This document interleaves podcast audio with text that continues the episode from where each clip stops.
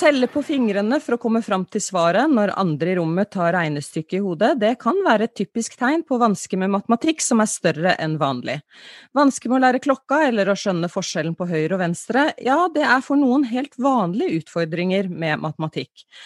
Og hva kan gjøres for barn og ungdom som virkelig har disse vanskene, og hvordan tilrettelegge for dem som har det som på fagspråket kalles for dyskalkuli? Velkommen hit til lærerrommet, jeg heter Vigdis Alver.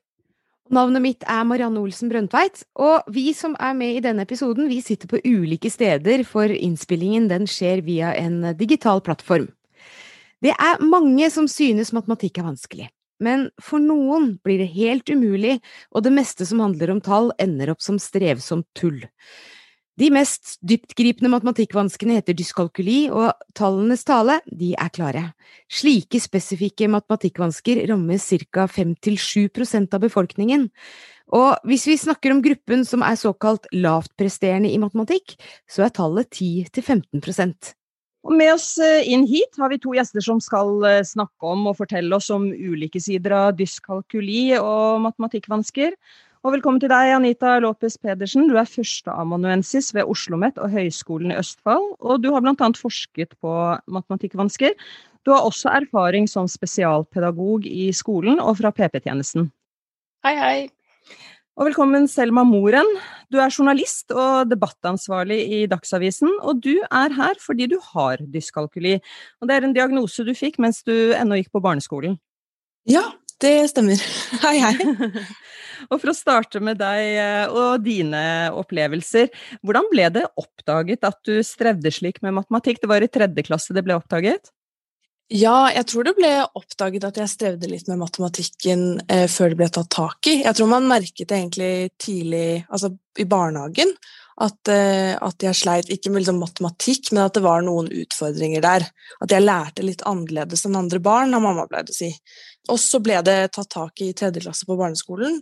Eh, jeg tror det var gjennom da eh, PP-tjeneste, eller BUP, hvor, hvor, jeg da ble sendt fordi at jeg ja, gråt mye på skolen og var frustrert og lei meg, da. Fordi det at jeg ikke forsto matten, gikk sånn utover de andre fagene også. Jeg var jo veldig sånn hadde mye lærelyst og allerede i veldig ung alder litt sånn prestasjonsstreben og hadde så lyst til å få til det de andre fikk til. Og når jeg ikke gjorde det, så ble det Det var veldig vondt, da. Mm. Ja, for du, du, hadde jo vanskelig, som du var inne på her. Du gråt jo, du ville ikke på skolen, og du følte deg kanskje dum. Eh, og det var ikke så lett for deg. Og kan du huske, hvis du sier litt mer om hvordan det påvirka andre fag og eh, annet på skolen? Jeg husker jo at jeg eh, fikk litt sånn eh, sperrer. At jeg kunne begynne å gråte i engelsktimen, f.eks. Og selv om jeg var ganske god i engelsk, eller hadde god forståelse for eh, mange andre fag, eh, så var det liksom Det ble veldig skummelt og veldig overveldende å sitte i et klasserom. Eh, man blir veldig introspektiv når man sitter der og tenker 'jeg skjønner ikke, jeg skjønner ikke'. Og det det gjorde jo at det var en veldig sånn ubehagelig opplevelse å være i klasserommet. Jeg følte meg veldig annerledes og ble veldig sånn redd for at det var noe alvorlig galt med meg. da. Fordi når man er barn, så har man lyst til å få til det de andre barna får til. Selv om man er veldig ung, så tenker man jo det at eh, nå skal jeg begynne på skolen, og det var så mye glede knytta til det. Og så, og så, det, altså, tenkte jeg får du ikke til. Mm. Og det var jo foreldra dine som eh, skjønte at noe var gærent for deg i mattetimen. Og Sånn som du husker det, nå er jo dette kjempelenge siden, og du var et uh, lite barn, men uh, mm. var det enkelt å finne ut av årsakene, eller ble dette en lang prosess? Jeg husker ikke helt hvor lang prosessen var, men jeg husker at de testet meg for veldig mye. De testet meg for ADHD, um, for autisme. Jeg husker jo dette var liksom eh, litt voldsomt for mamma og pappa, da, fordi visste jo at jeg ikke var autistisk, på en måte. Eller de kjente seg ikke helt igjen i, i alle disse tingene de skulle teste meg for, tror jeg. At det var litt sånn uh, overveldende. Og, og, jeg satt, husker jeg satt på en sånn liten PC inne på et rom og skulle trykke uh, hvert uh, minutt eller noe sånt for at de skulle teste konsentrasjonen min, og alt var jo helt på topp. Men så fant de da ut at jeg hadde vansker med både finmotorikk Jeg skulle legge en sånn liten nøkkel oppi en boks og sånn og, finne former og alt mulig sånne rare ting da, som man kanskje ikke tenker at man tester matteforståelse på. Men eh, det var jo sånn de fant ut, da, sånne tester. Og da var de ganske tydelige på at jeg hadde eh, dyskalkuli. Mm. Og hvilken hjelp fikk du da? Nei, da med en gang jeg fikk diagnosen, så var det jo plutselig en rekke ting jeg liksom hadde rett på. da. Jeg hadde rett på en type oppfølging. Så etter hvert så fikk jeg min egen mattelærer. Det var hovedsakelig på Altså litt senere på barneskolen. I starten ble jeg bare satt i en sånn matteklasse som var litt mindre, med elever som sleit litt med matte.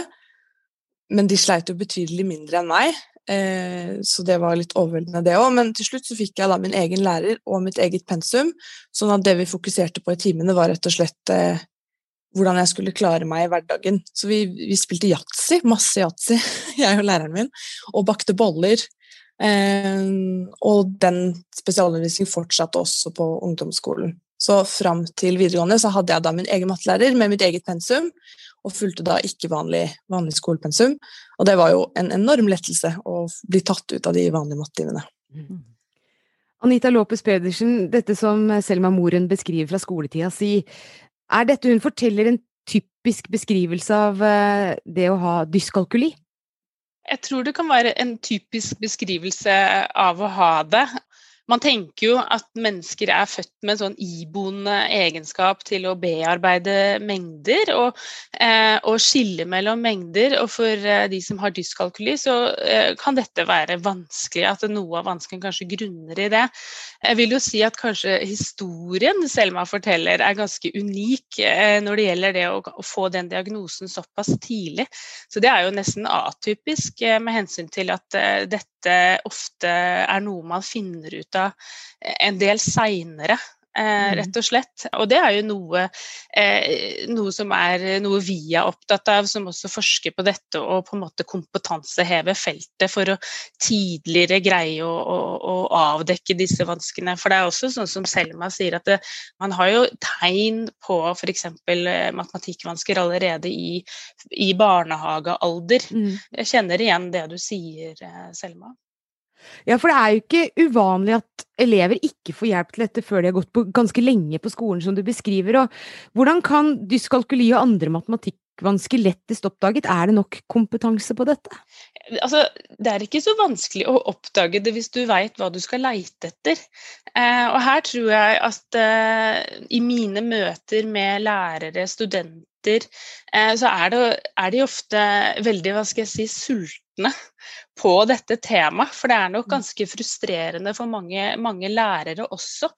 Eh, og så tror jeg også at eh, dette feltet har vært litt sånn underforska. Mm. Og der blir det heldigvis bedre. Eh, men jeg tror nok at en, en, at det, en, kompetanseheving på det temaet her er helt avgjørende.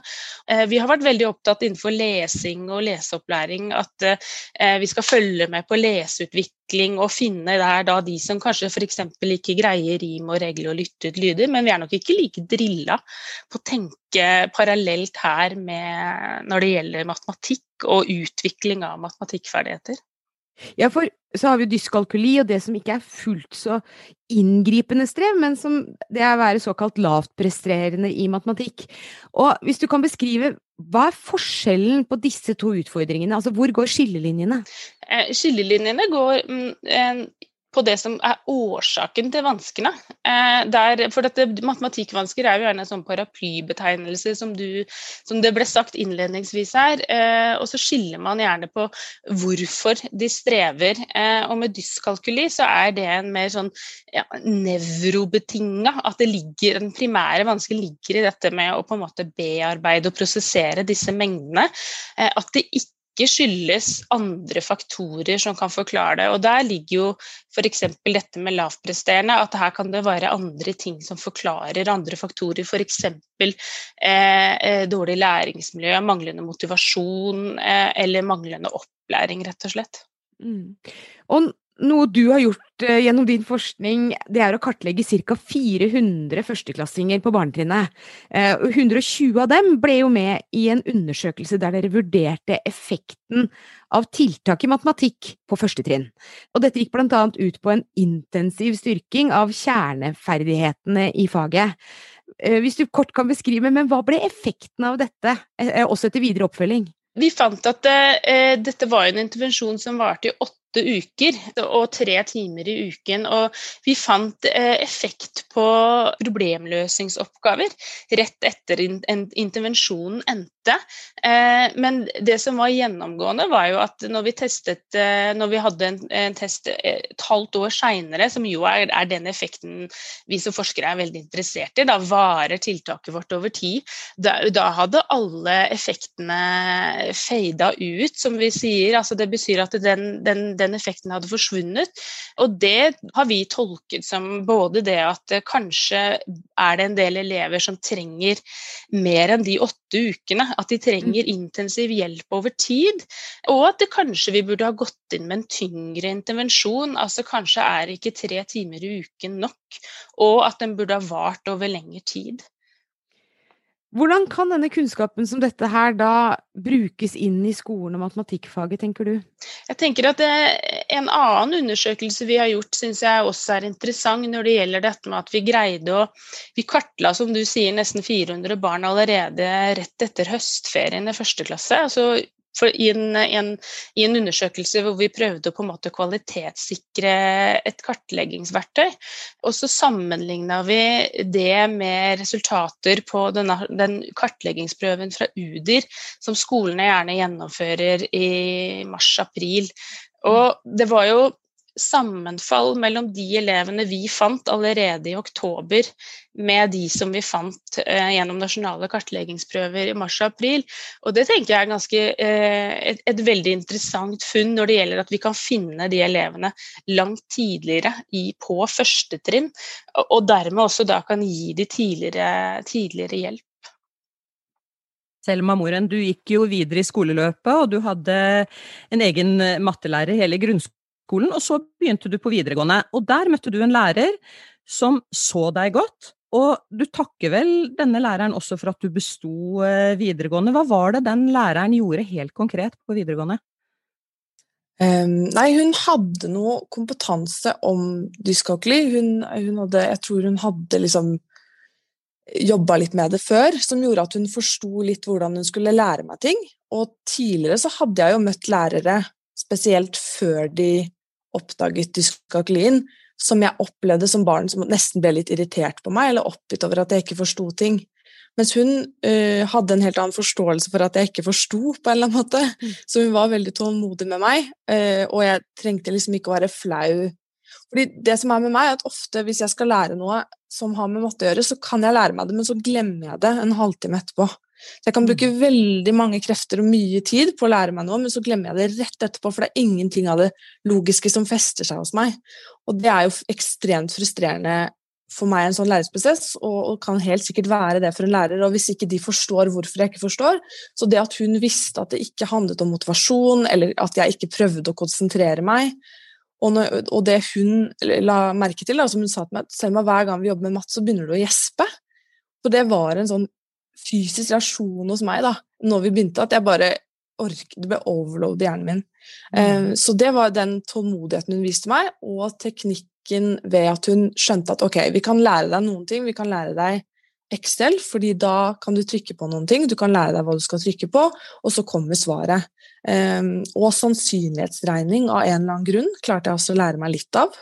Husker jeg ingenting av nå, da, men det var bare sånn at jeg kunne fullføre videregående. Mm. Så hun hjalp meg jo med å fullføre videregående sånn at jeg kunne ta meg en utdanning. Og jeg har jo gode karakterer i andre fag, så det var jo ekstremt viktig for meg å få lov til å ta en utdanning. Så hun, hvis, uten henne så tror jeg at jeg hadde droppet ut. Mm. Ja, for du var jo litt inne på det at det er vanskelig i dag med matematikk, og du merker det jo på flere områder eh, fortsatt. Kan du fortelle litt om det? det? Hvordan merker du det, og hvordan løser du det i dagliglivet?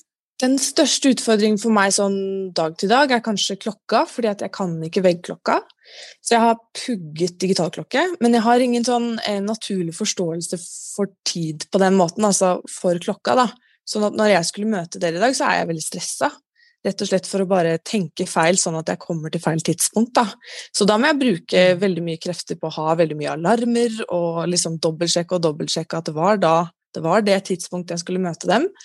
Det er en utfordring. Og så kan jeg ikke knytte skolissene mine da, på en vanlig måte. Så vennene mine ler veldig ofte av meg for at jeg må stoppe opp og knytte dem på nytt, fordi jeg har en litt sånn rar teknikk som gjør at de ofte går opp. Men dette er jo ting som ingen merker liksom når jeg er på jobb. Det er ingen som, Du kan kjenne meg ganske lenge uten å ane noe om mine matematikkvansker. Men hvis man skal begynne med liksom å huske datoer, f.eks., det syns jeg er veldig vanskelig, for jeg klarer ikke å feste det til noe. Så jeg har jo slitt med å liksom pugge helt sånn vanlige ting, sånn som når krigen var, liksom. Fordi jeg sliter med tallene og kan stokke dem og sånn. Og da er jeg jo litt redd for å virke litt sånn uopplyst, men med en gang det er liksom tall, så ja. Og en annen ting jeg merker, er at det det har gjort med meg, er at hvis noen skal begynne å forklare noe til meg som jeg ikke forstår med en gang, så har jeg en tendens til å sone ut, fordi det har vært så vondt for meg som barn å ikke skjønne ting. Så at for eksempel, nå har vi hatt sånn eh, digital opplæring på jobben med et nytt program, eh, hvor det er en del sånne tekniske ting. Og da bare merker jeg at med en gang de begynner å snakke om det, og med en gang jeg tenker å dette var litt vanskelig, så bare skrur hjernen min seg av, og så klarer jeg ikke å følge med. Mm. Nei, du, du, klarer deg jo veldig bra i yrkeslivet tross alle disse utfordringene. Eh, og hvis du tenker tilbake nå, du er jo i 20-åra nå, eh, tenker du at disse matematikkutfordringene likevel har definert deg på en måte? Eh, da eller nå? Ekstremt mye. Jeg tror det at eh, når du selv føler at du ikke får til ting, så blir det viktig å bevise at du får til ting. Så det at jeg har vært eh, Jeg har jo vært ganske liksom Jobba veldig hardt da, eh, for å få til å bli journalist eh, og studere og gjøre ting jeg mestrer. Så, så, Som barn så var det veldig viktig for meg å få tid til å gjøre det jeg var god på, fordi at veldig mye av tiden på skolen gikk jo til å sitte med noe jeg egentlig ikke forsto, eller følte at jeg hadde forutsetninger for å forstå. Så mamma for eksempel, var veldig opptatt av at jeg skulle drive med teater. Jeg er veldig glad i å synge, at jeg skulle synge på fellessamlingen på skolen, at jeg skulle få lov til å vise Selma som klarte ting. da. Så det har jo på en måte gitt meg et ekstra driv eh, på en eller annen måte, eh, og en eh, veldig sånn lyst til å bevise at jeg kan overfor meg selv og overfor andre. Fordi når du har lærevansker, så tidlig på skolen så husker jeg at jeg tenkte kanskje at lærerne tenkte at jeg var litt sånn Problembarn blir det å ta litt hardt i, da, men at de liksom så på meg som en som kanskje ikke prøvde så veldig. Jeg tror det er en vanlig misforståelse at eh, å ja, men du forstår det ikke fordi du ikke har prøvd hardt nok. Når jeg sier til folk at jeg ikke kan klokka, så er det en veldig vanlig reaksjon. 'Å, men jeg kan lære deg det.' Og det kan være litt frustrerende, for det 'Å ja, men jeg har brukt 24 år på å prøve å lære meg den klokka', og nå har jeg tenkt vet du hva, det gidder jeg ikke. Jeg pugger heller den digitalklokka. La meg gå videre med livet mitt. uh, Lopez Pedersen, hvis vi griper tak i det som Selma Moren snakker om her, hva vet dere om selvbildet til elever som opplever disse utfordringene? Det er, nok, eh, det er nok, ganske altså Matematikk er jo eh, gjerne et sånt prestisjefag.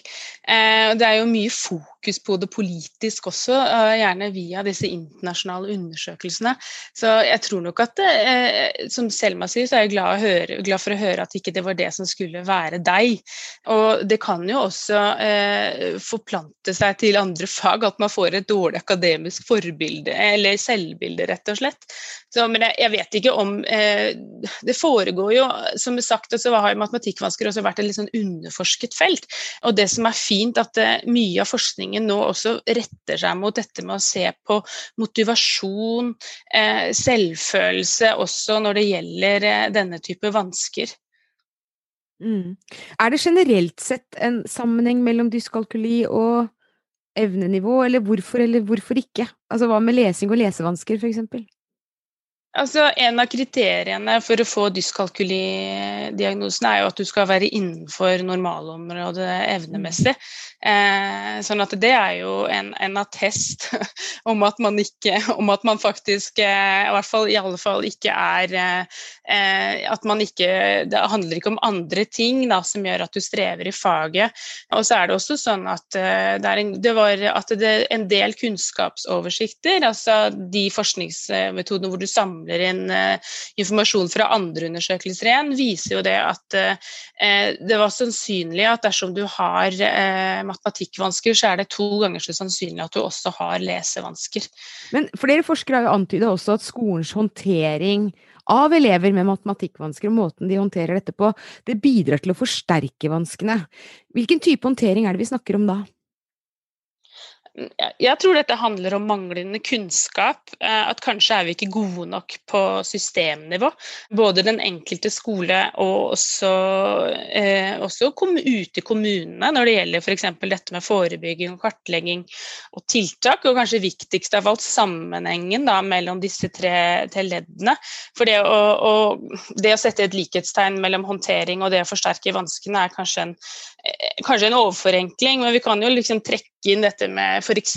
spesialpedagogikkens mandat, som er jo å forebygge og avhjelpe vansker. Og dette gjelder jo all pedagogikk og all opplæring, men Eh, vi, kan, vi, må jo gjøre det vi kan eh, for å forebygge at elever utvikler vansker og minske risikoen for at vanskene utvikles. Og så må vi også hjelpe de som har det. Eh, kanskje må vi i større grad tenke over da, hvilken kunnskap og kompetanse det er viktig å ha når det gjelder matematikkvansker. Og da tenker jeg at skolene må jo sikre at de har kompetanse om dette med utvikling av matematikkferdigheter. De må vite noe om kjennetegn på vansker og de må vite noe om hvordan de skal vurdere og kartlegge matematikkvansker, og sist, men ikke minst hvordan man følger opp kartlegging. Og i all den tid vi ikke har eh, gode kartleggingsverktøy, så er det jo kanskje enda viktigere å kjenne til den utviklingen av matematikkferdigheter for å kunne fange mm. opp da, eh, disse kjennetegnene på at man strever. Mm. Ja, fordi for Selma sin del så ble jo vanskene eh, etter hvert oppdaga, men hvis dette ikke oppdages, og det ikke blir tilrettelagt i skolen, hva kan konsekvensene på sikt bli da? Konsekvensene på sikt er det jo en del undersøkelser som viser at du rett og slett også står i fare for å stå utenfor eh, arbeidslivet. At det kan få ganske store konsekvenser på sikt. Og sånn som Selma sa i stad, at uh, hadde jeg ikke fått den hjelpen, så hadde jeg kanskje droppa ut av videregående. Ja, Selma Moren, du har jo valgt en åpenhet rundt dette, og du har annet skrevet avisinnlegg om din eh, dyskalkuli. Og da, etter det, så fikk du masse respons fra andre som kjente igjen eh, det du beskrev. Og før dette så hadde du kanskje aldri møtt noen som eh, har dyskalkuli, og hva tenker du rundt dette? Nei, det var liksom Når jeg skrev om dyskalkuli, så hadde jeg på en måte ikke forventet en respons på noen måte, men å få meldinger fra folk, både folk som er godt voksne nå, som har slitt med det hele livet, som kanskje aldri fikk hjelp, fikk meg jo til å innse hvor viktig det er å snakke om dyskalkuli. Og um, det, det, er jo null problem for meg å være åpen om det, eh, fordi at jeg har på en måte jeg har valgt at ikke det skal være Selma. Det er en ting jeg sliter med. Så, eh, så hvis jeg kan liksom bidra til at noen kanskje skjønner at de har det, skjønner at barnet deres sliter med matematikk, og tar det på alvor, da, eh, som faktisk kan bedre liksom, livskvaliteten deres og mulighetene deres. Fordi en ting som frustrerer meg litt, er jo jeg var jo god på skolen, jeg hadde veldig gode lese- og skriveferdigheter. Og jeg har lest eh, at når man har dyskakli, så har man også eh, ofte gode lese- og skriveferdigheter i noen tilfeller. Og det at ingen sa det til meg som barn, eh, eh, liksom At de aldri eh, tidlig da, eh, la fokus på at du, dette gjør også at du er kanskje enda litt flinkere enn de andre barna. Å, jeg leste jo fortere enn alle. At ingen liksom la fokuset der. Fordi mestring som barn er så utrolig grunnleggende, da. Så det er veldig viktig for meg at folk med dyskalkuli skjønner at eh, du kan helt fint eh, få en veldig kul jobb selv om du har den dyskalkulien. Mm. Men, men du, har jo, du, har jo, stått i dette, og hvilke råd vil du gi til en lærer eller til foreldre som opplever at strevet med matematikk hos et barn går utover det som er eh, vanlig? Um, nei, et tips vil jo være å liksom utrede for dyskalkuli, da, i hvert fall så tidlig man kan, bare for å sjekke om det er det. For da, man jo, da har man jo plutselig ganske mange rettigheter, og vite hva de rettighetene er. Da, fordi dessverre så føler jeg nok at det ikke er så Jeg tror nok ikke at jeg hadde fått den hjelpen jeg fikk på skolen hvis ikke hadde vært for at jeg har en mamma som er pedagog, og som, um, og som var klar over at jeg hadde en del uh, ting jeg kunne få hjelp med. da at det fantes alternativer, på en måte. Og så er det jo et tips til liksom hele skolesystemet er jo Jeg syns jo det er ganske absurd at, at, man får hjelp fram til videregående, og så i siste etappe, før man skal ut i arbeidslivet, så sier man at eh, hei, her er et pensum du ikke har hatt siden tredje klasse, lykke til. Um, hvis ikke jeg hadde hatt den læreren til å motivere meg til å gi meg trygghet. For det handler jo om også det voldsomme ubehaget det er å møte hver eneste mattetime. Det var jo ganske tøft. Og hvis man da ikke får noen oppfølging, så er det veldig eh, lett å da Enten at man stryker, eller at man bare ikke orker rett og slett å møte opp på skolen mer. Um, det, det, jeg, og, og, det at jeg på en måte har Det er liksom litt ironisk at jeg er 24 år og har liksom klart meg ganske bra eh, og fått en veldig kul jobb, og, liksom, og så er det sånn derre Alle de tingene som har hatt så mye å si for eget selvbilde, for mine muligheter som menneske. At alle de tingene kunne bare forduftet hvis ikke jeg liksom møtte én tilfeldigvis eh, pedagog på skolen som faktisk hadde litt kunnskap om dyskagli. Det, det, er litt skummelt å tenke på, da. Lopez Pedersen, til slutt her. Du har jo tidligere nevnt både systemnivå og kompetansenivå. Men sett fra et spesialpedagogisk eller forskerfaglig ståsted, hva blir det viktigste framover når det gjelder disse vanskene og hjelpen som finnes?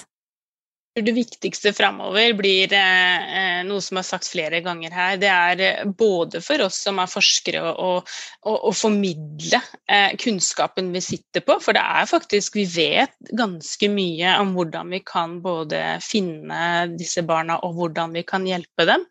Og så må jo også eh, skoler og kommuner be om hjelp til å kompetanseheve seg. Og da tenker jeg at det kan jo også begynne i et profesjonsfelt fellesskap ute i skolene. Kanskje er det ressurspersoner som går stille i gangene. Eh, og de gangene man tenker at her trenger vi mer kunnskap, så må man også ikke være redd for å kontakte PP-tjenesten. Og så må jo også PP-tjenesten eh, ta det mandatet de har også på systemnivå. Det gjorde vi bl.a. da jeg jobbet i PP-tjenesten. Så samla vi alle lærerne i hele kommunen og hadde kurs om matematikkvansker. Mm. Så jeg tenker det Noe av det viktigste er både at eh, vi som forskere vi må ta ansvaret vårt eh, og formidle dette ut i, til de som jobber med det i det daglige. Og så må eh, der skoler og PP-tjenester trenger mer kunnskap, så må de innhente den. Enten ja, Mm. Og med disse rådene om eh, veien videre, så avslutter vi denne episoden av Lærerrommet og sier tusen takk til deg, Anita Lopez Pedersen og Selma Moren. Tusen takk også til deg som hører på Lærerrommet, dere blir stadig flere. Og ikke glem å abonnere på oss, så går dere ikke glipp av noen av våre episoder. Vi er tilbake om ikke lenge med enda et spennende tema, og nå sier vi takk for oss og ha det riktig bra. Ha det! Ha det.